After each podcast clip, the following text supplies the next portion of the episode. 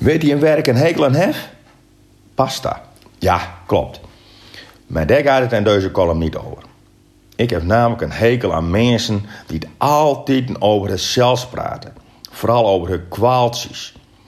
Mensen die niet naar anderen luisteren, maar het altijd een slimmer hebben als één die het bijvoorbeeld correct het dat hij of zij slim ziek is.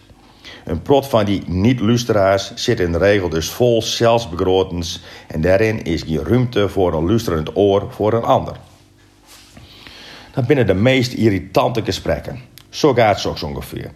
Ik wil niet dat het van een ander hoort, maar ik heb daar en last van en daarom moet ik in korten opereerd worden. Het zal een zware operatie worden. Het kan wezen dat er eerst een andere variant komt. De dat heb ik ook gehad kwaal.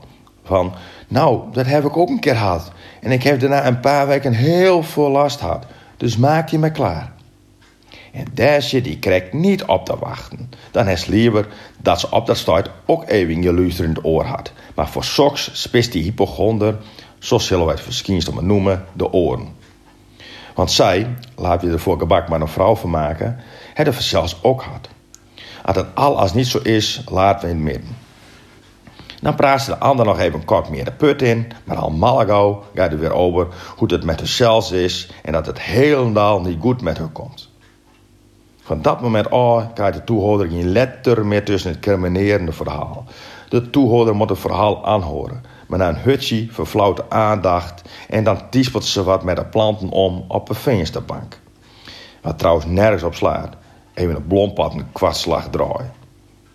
En het duurt niet lang voordat de toehoorder besluit verder te gaan met wat ze van doel waren te doen. Zo nou en dan maakt ze geluidjes, zodat de andere kant van de lijn weet dat ze er nog is. Ze zet het eten maar vast op, alles met één haat, ruipt het aanrecht op en haalt er een doekje overheen. Dan gaat ze weer naar de kamer, gaat weer zitten en kijkt gauw naar de klok. Op een bepaald tijd is er schoon genoeg van en wil een eind aan het gesprek maken. Maar hoe vindt ze ooit een opening tussen het gejank?